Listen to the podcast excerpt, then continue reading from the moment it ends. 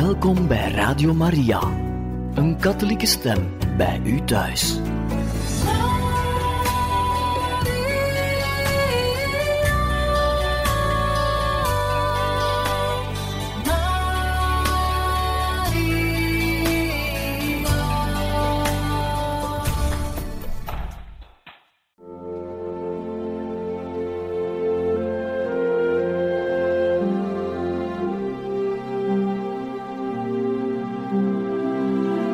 Beste luisteraars van Radio Maria, welkom bij het programma Catechismus. Een overweging bij de geloofschat van de kerk.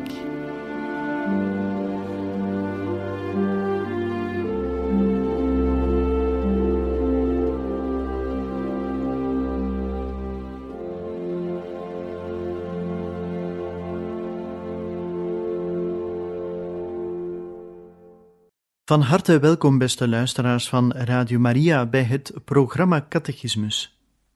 Vandaag luisteren we naar eerwaarde heer Pierre François in een reeks die zal gaan over de verschillende sacramenten. We luisteren naar deze catechese over de Eucharistie.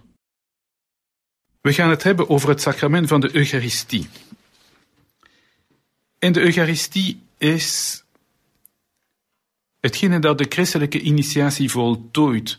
Wat wil eh, de catechisme van de katholieke kerk daarmee zeggen? Dat betekent dat de Eucharistie aan de top staat van het sacramenteel leven. We zijn door het doopsel tot de waardigheid van, ik citeer nu uit de catechismus, tot de waardigheid van het koninklijk priesterschap verheven. En door het vormsel zijn we nog meer gelijkvormig geworden met Christus. Maar met de Eucharistie hebben deel aan het offer zelf van de Heer samen met heel de gemeenschap. Waar komt de Eucharistie vandaan?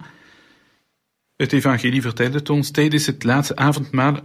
Dat is eigenlijk hier wat ik nu citeer, is een tekst uit het Concilie Vaticanum II. Tijdens het laatste avondmaal in de nacht waarin hij werd overgeleverd, heeft onze Verlosser het Eucharistisch offer van zijn lichaam en bloed ingesteld. Wat was het doel? Om het kruisoffer door de eeuwen heen te bestendigen, tot aan zijn wederkomst. En zo, aan zijn geliefde bruid de kerk, een gedachtenisviering van zijn dood en verrijzenis toe te vertrouwen. En wat zegt het concilie over dat sacrament? Het is een sacrament van goedheid, een teken van eenheid, een band van liefde. Het is een paasmaaltijd, waarbij Christus genuttigt, het hart met de genade vervult en ons een onderpan van de toekomstige heerlijkheid wordt gegeven. Dat is dus de structuur wat we vandaag zullen zien.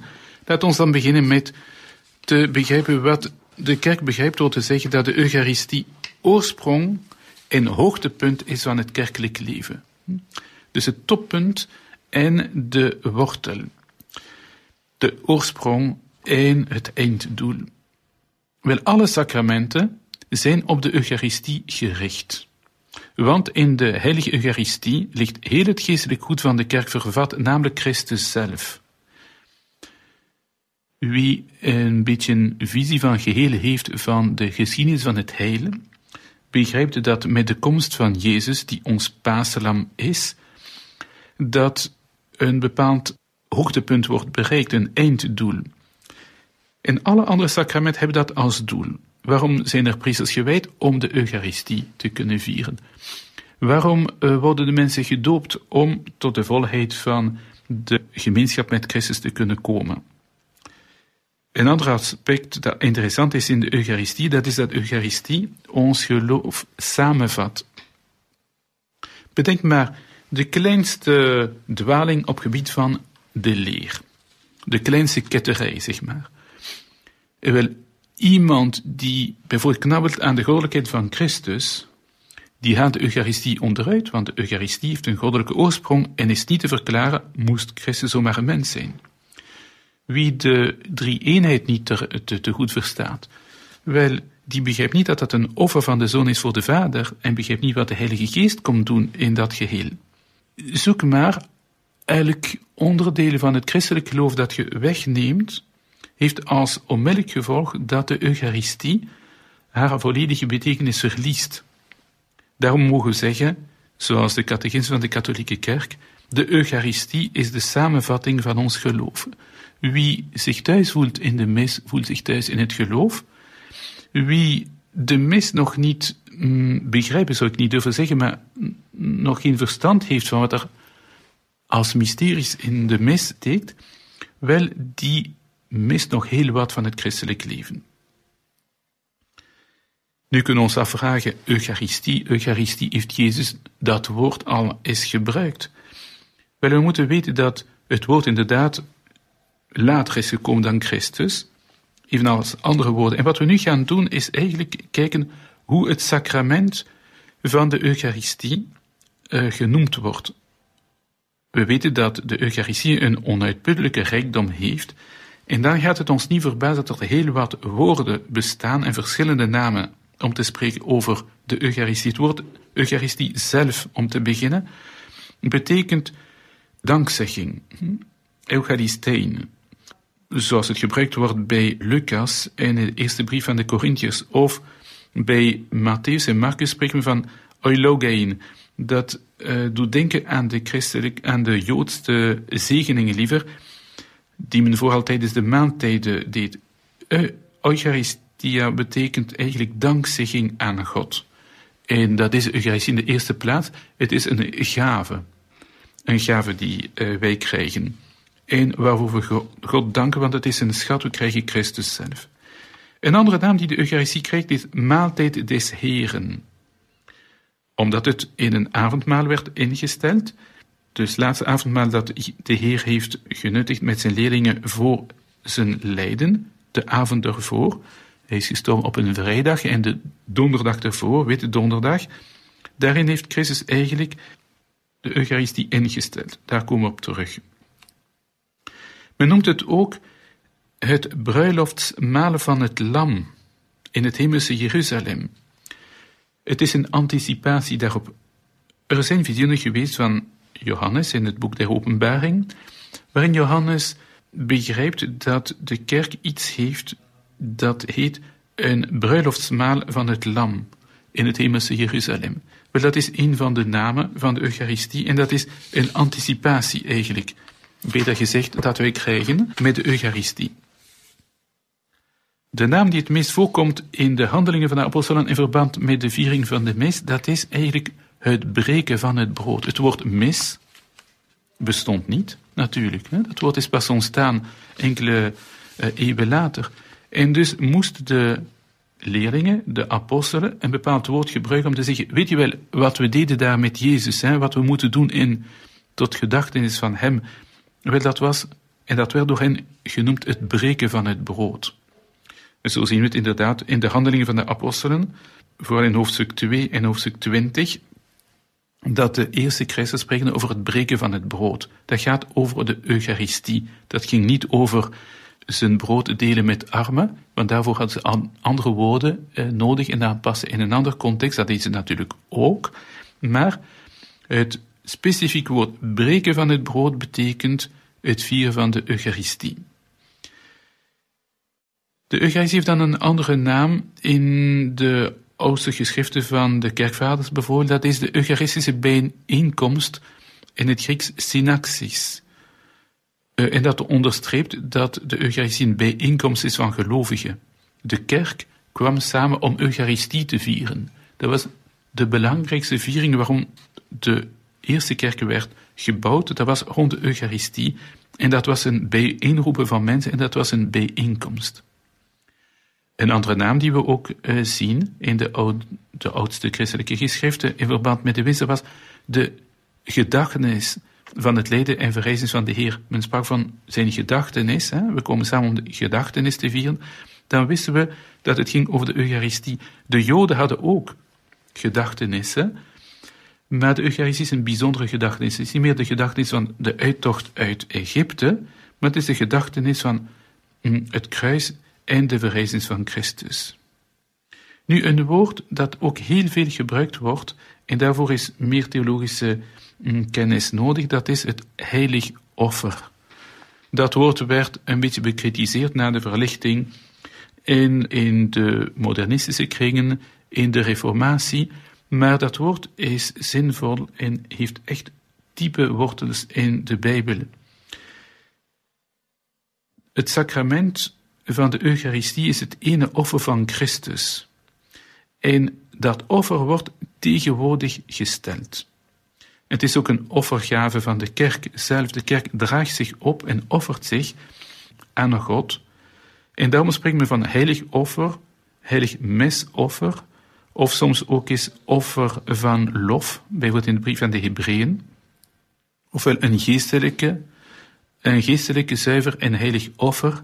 Al die woorden vindt men terug in de oude christelijke literatuur en in de oudste liturgische teksten. Een woord dat meer te vinden is in de Byzantijnse kerk is heilige en of goddelijke liturgie. Liturgie betekent eredienst en men noemt die heilig of goddelijk omdat het Christus is die handelt, terwijl wij bedienaars of de gelovigen bijeenkomen om die sacramenten te vieren, is het eigenlijk God die bezig is. En dat onderstrepen die Oosterse terminologie, dat onderstreept die Oosterse terminologie door te spreken van de goddelijke liturgie, de heilige liturgie. Eh, men spreekt zelfs ook van het allerheiligste sacrament, omdat men wil onderstrepen dat de Eucharistie het sacrament der sacramenten is. En daarmee wil men eigenlijk twee dingen noemen. Door het woord allerheiligste sacrament te gebruiken, verwijst men natuurlijk naar de Eucharistie zelf, maar ook naar het feit dat Christus aanwezig blijft in de gedaante die we na een mis, bijvoorbeeld in het tabernakel, bewaren. Dat noemen we ook het heilig sacrament. Iemand die een kerk binnengaat, heeft als eerste idee, als hij een beetje een, een christelijke vorming heeft, van te kijken, in deze kerk, waar bevindt zich het tabernakel? Waar bevindt zich het heilig sacrament? Eh, in welke richting moet ik mij richten om met liefde en geloof hm, een acte van aanbidding te stellen voor het zogenaamde heilig sacrament. Nu, een naam dat we niet moeten vergeten als we spreken over de Eucharistie is ook communie. Dat onderstreept het feit dat wij het sacrament ook kunnen ontvangen. Communie of de heilige dingen, de sancta in het Latijn, ta hagia hm, in de, eh, de Griekse taal.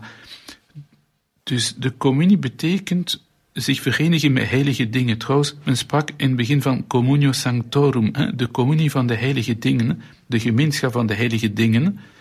Dat is later zich gaan opsplitsen in verschillende begrippen. De communie, zoals we het begrijpen in de sacramentele zin, en de kerk als gemeenschap der heiligen. Maar oorspronkelijk gebruikt men een woord dat al die dingen samen uh, uitdrukken. De gemeenschap van de heiligen, de communie aan de heilige dingen. Andere woorden die ook veel voorkomen in liturgische hymnes of samenstellingen van de christelijke literatuur of de zang van de liturgie. Daar spreken ze ook over brood van de engelen, brood uit de hemel, of een geneesmiddel dat onsterfelijk maakt. En dan een van die veelgebruikte woorden in dat context uh, is ook viaticum, dat betekent reisvoedsel. En daarmee bedoelt men vooral de Eucharistie die men geeft aan zieken, vooral de, de stervende zieken. En natuurlijk, last but not least, men spreekt ook van de heilige mis. Waar komt het woord mis van? Dat komt van het feit dat de mis eindigt met een uitzending, missio in het Latijn van de gelovigen. Hm? Gaat u allen heen in vrede. Ite missa est. Missa est betekent niet de mis is gedaan, dat betekent de vergadering is gezonden op, op zending. Hm? Beetje bij beetje uit dat ite missa est is het woord missa ontstaan, dat ook die viering is gaan aanduiden.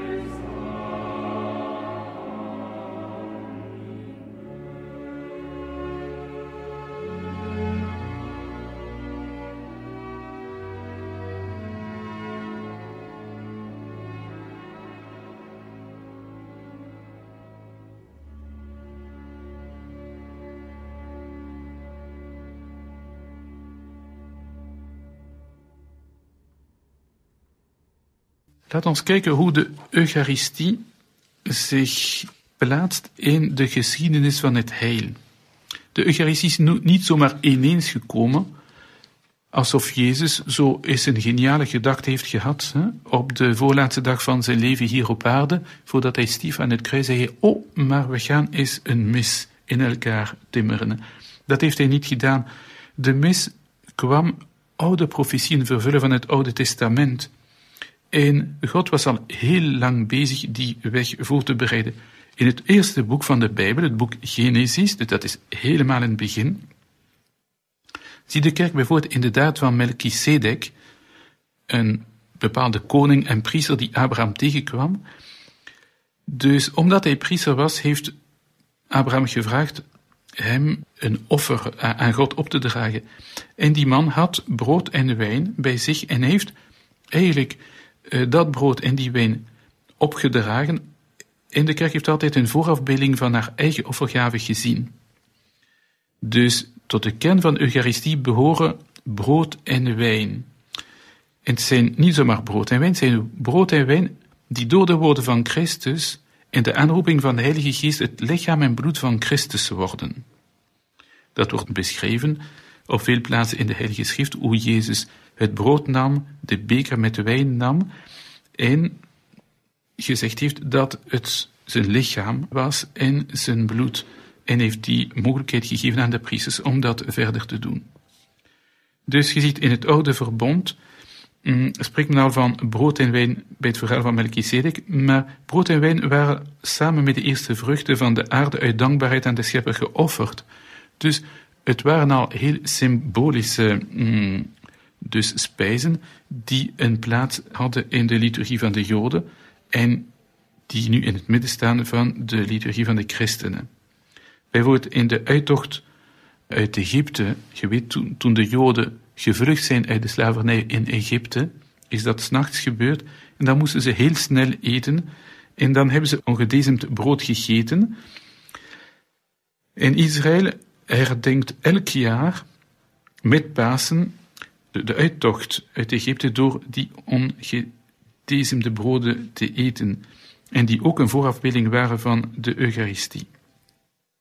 Dan is er ook in de liturgie van de Joden de zogenaamde beker der zegening, die aan het einde van het Joodse paasmaal wordt gedronken, eh, waarover sprake is in de eerste brief aan de Corinthiërs. Daarmee dus wil men zeggen dat er een bijkomende feestelijke dimensie komt en ook een eschatologische betekenis. Het was een beker die men dronk met de hoop om ooit eens in het hemelse Jeruzalem te komen en met de messiaanse verwachting van herstel van Jeruzalem. Jezus heeft, in zijn, heeft zijn Eucharistie ingesteld door aan die zegening van het brood en de beker een nieuwe definitieve betekenis te geven. Nu zijn er andere plaatsen in het Nieuwe Testament waar men de Eucharistie is gaan voorbereiden. Bijvoorbeeld de wonderbare broodvermenigvuldiging. Waarom heeft Jezus broden vermenigvuldigd en niet uh, iets anders? Om duidelijk te laten zien dat hij een bepaalde macht had over het brood. Hm? Hetzelfde heeft hij gedaan door water in wijn te veranderen in Cana. Dat was ook om te zeggen, kijk, als ik water kan veranderen in wijn, moeten jullie gemakkelijk kunnen afleiden dat ik wijn in iets anders kan veranderen. Waarom niet? Hm? Dus die tekenen die Jezus verrichtte, hadden een bepaalde profetische boodschap. We kunnen denken dat de moderne mens daar moeite mee heeft met de Eucharistie. Allee, brood zeggen dat is mijn lichaam en wijn dat is mijn bloed. Wie bedenkt nu zoiets? Wel, het antwoord is duidelijk, alleen God. Een mens gaat dat nooit bedenken. Zelfs bij de eerste leerlingen van Jezus was er al verdeeldheid. Toen Jezus begon te spreken over zijn vlees eten, hm, zijn bloed drinken, dat gaf afschuw bij de Joden. Zeker bloed drinken, als zij alles kosher willen hebben, zonder bloed erin. Hoe, hoe haalt je dat in je hoofd om ineens te spreken van je moet mijn bloed drinken, mijn, mijn vlees eten? Dat, dat doet je toch niet? En inderdaad, heel wat mensen liepen weg. Waarop Jezus niet gezegd heeft, hé, hey, kom maar terug, dat was maar een symbolisch iets. Mm, je moet het niet zo letterlijk opvangen. Integendeel, Jezus vraagt aan de apostelen, wilt jij ook weggaan? Met andere woorden, hij bevestigt zijn verhaal. Er moet iets gebeuren in de Eucharistie dat meer is dan gewoon een louter symbolische taal. Daar is iets wezenlijks aan gebeuren en dat geeft moeite. We kunnen niet gemakkelijk daarin geloven. Dat, dat vraagt echt een gave van God om, om daarin te geloven. Dus die vraag van Jezus, wilt je ook, ook jij soms weggaan? Deze vraag van de Heer weerklinkt door alle tijden heen. En daarom kunnen we zeggen dat de Eucharistie echt een toetssteen is om te zien of iemand gelooft of niet. En, en daarmee kunnen we zien mm, dat iemand echt het geloof heeft. En die woorden van de leerling van Emmaus zijn zo sprekend. Zij herkenden hem bij het breken van het brood. Dus in de mis kunnen we echt herkennen, gaat het hier over de leerlingen van Jezus die God en mens is, of gaat het hier over een menselijk verhaal met alleen maar symbolisch uh, inhoud? Laat ons eventjes inzoomen op hoe de Eucharistie werd ingesteld. Dat gebeurde in een kader van liefde. Zo lezen we in de Heilige Schrift, de Heer die de zijne bemind had, gaf hem het bewijs van zijn liefde tot het uiterste toe. Hij die wist dat zijn uur gekomen was om uit deze wereld over te gaan naar zijn vader, waste hen tijdens een maaltijd de voeten en gaf hun het gebod van de liefde. Wat ik nu citeer, hm, kom overeen met hoofdstuk 13 van Johannes. Jezus geeft eigenlijk bij de voetenwassing een gebod, het gebod van de liefde, het grote gebod. En om hun een onderpand van deze liefde te laten zien, om zich nooit van de zijne te verwijderen en dus om ze deelgenoot te maken van zijn paasmysterie, stelde hij de Eucharistie in als de gedachtenis van aan zijn dood en verrijzenis. En dat is belangrijk voor wat ons uh, betreft. Hij beval zijn apostelen deze gedachtenis te vieren totdat hij zou wederkomen, waardoor hij hen toen als priesters van het nieuwe verbonden aanstelde.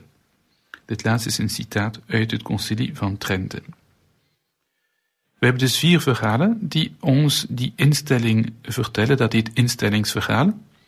De drie synoptische evangelieën, Matthäus, Marcus en Lucas, en de heilige Paulus. Johannes die geeft dat uh, instellingsverhaal niet in zijn evangelie, maar hij verhaalt ons wel wat de woorden van Jezus waren in de synagoge van Capernaum. En hij spreekt heel veel over de Eucharistie, maar niet meer naar aanleiding van het instellingsverhaal, maar naar aanleiding van de Eucharistische redenvoeringen van Jezus die zoveel ophef hebben gemaakt. Want Johannes vond dat het belangrijk was dat dat ook verteld werd toen Johannes zijn evangelie schreef, waar de andere evangelies al gekend. En dus daarmee kunnen we zeggen dat het vierde evangelie van Johannes namelijk een soort aanvulling is op de synoptici. De evangelies van namelijk Matthäus, Marcus en Lucas. Het is ook geen toeval dat Jezus het paasfeest heeft gekozen om dus die maaltijd, dat offer uh, op te dragen. Hij is gestorven op het paasfeest en heeft de Eucharistie ingesteld op het paasfeest om ons duidelijk te laten zien dat het paasmaal dat hij met zijn apostelen heeft gevierd als laatste avondmaal, eigenlijk de definitieve zin geeft aan het Joodse paasfeest. Het Joodse paasfeest was een voorafbeelding van wat er moest komen. Het was dus geen eindpunt, het was een beginpunt en een steunpunt voor het christelijk geloof. En dus, wat we vieren in de Eucharistie is het nieuwe Pasen. Het Pasen vieren we één keer per jaar, hè? Uh, in de lente, maar elke misviering is een beetje Pasen. En dat is wat we vieren in de Eucharistie, dat is wat we tegenwoordig stellen op dat ogenblik. Pasen komt trouwens van het woord uh, pesha, dat betekent overgang. Het was de uittocht uit Egypte, was een overgang naar een nieuw leven, maar het is ook de overgang van Jezus naar zijn vader. Dus zelfs het woord Pasen zelf houdt iets profetisch in. Nu, iets heel belangrijks, Jezus heeft gezegd, doet dit tot mijn gedachtenis. Want geen enkele mens had vanzelf het initiatief kunnen nemen om te zeggen, kijk, we gaan eens iets doen om dat allemaal te herdenken. Dat is te geniaal, dat is te, te diep, te goddelijk, om zomaar uit het hoofd van een creatieve liturgist te komen. Alleen Jezus kon zeggen met zo weinig woorden, dit is mijn lichaam, dit is mijn bloed, doe dit aan mij te gedenken, en weinig woorden meer waren voldoende om heel, heel die geschiedenis van die theologie en die sacramentaire theologie te kunnen ontwikkelen. Er zijn weinig woorden, maar die zijn met zo'n grote diepte dat alles wat de kerk nu doet op dat gebied, dat komt uit die woorden. En dat moet ons eigenlijk een beetje verbazen. Dus vanaf het begin is de kerk trouw gebleven aan het gebod van de Heer. Doe dit tot mijn gedachtenis, inderdaad. De kerk van Jeruzalem vanaf het begin zei, ik citeer nu uit het hoofdstuk 2 van de Handelingen van de Apostelen, ze legde zich ernstig toe op de leer der apostelen, bleven trouw aan de onderlinge gemeenschap en ijverig in het breken van het brood en in het gebed. Dagelijks bezochten ze trouwens eensgezind de tempel, braken het brood in een of ander huis. Dus Eucharistie werd in het begin niet in de tempel gevierd. Trouwens, praktisch ziet niet gebeuren dat de Joden dat zouden toelaten. En ze genoten samen hun voedsel in blijdschap en eenvoud van hart. Dus gebed, sacramenteel leven en dan gemeenschapsvorming en solidariteit onder elkaar. Dat is een beetje wat de handelingen van de apostelen ons vertellen. En men legt de nadruk dat dat vooral gebeurde op de eerste dag van de week. We moeten niet vergeten dat voor de Joden de laatste dag van de week, dat was de Shabbat, de zaterdag. En maandag is eigenlijk de eerste dag van een nieuwe week. Maar de christenen hebben dus vanaf het begin de Eucharistie gevierd op de eerste dag van de nieuwe week. En daarom spreken we van de eerste dag van de week, dus eigenlijk de achtste dag. Hm? De dag die de Heer heeft gemaakt, de dag van de verrijzenis, de dag van het, het nieuwe, de nieuwe tijden, de volheid van de tijden. Dus op zondag kwamen de leerlingen samen om Eucharistie te vieren, dat noemen ze dus toen het breken van het brood. En sindsdien is de Eucharistie voortdurend gevierd tot vandaag, hm? vooral op zondag. En daarom is de Eucharistie vanaf het begin het centrum van het leven van de kerk. Dus wie probeert een kerk te bouwen zonder Eucharistie, zal eigenlijk moeite hebben. Dat is niet de bedoeling. De kerk moet gebouwd worden met de Eucharistie als middenpunt.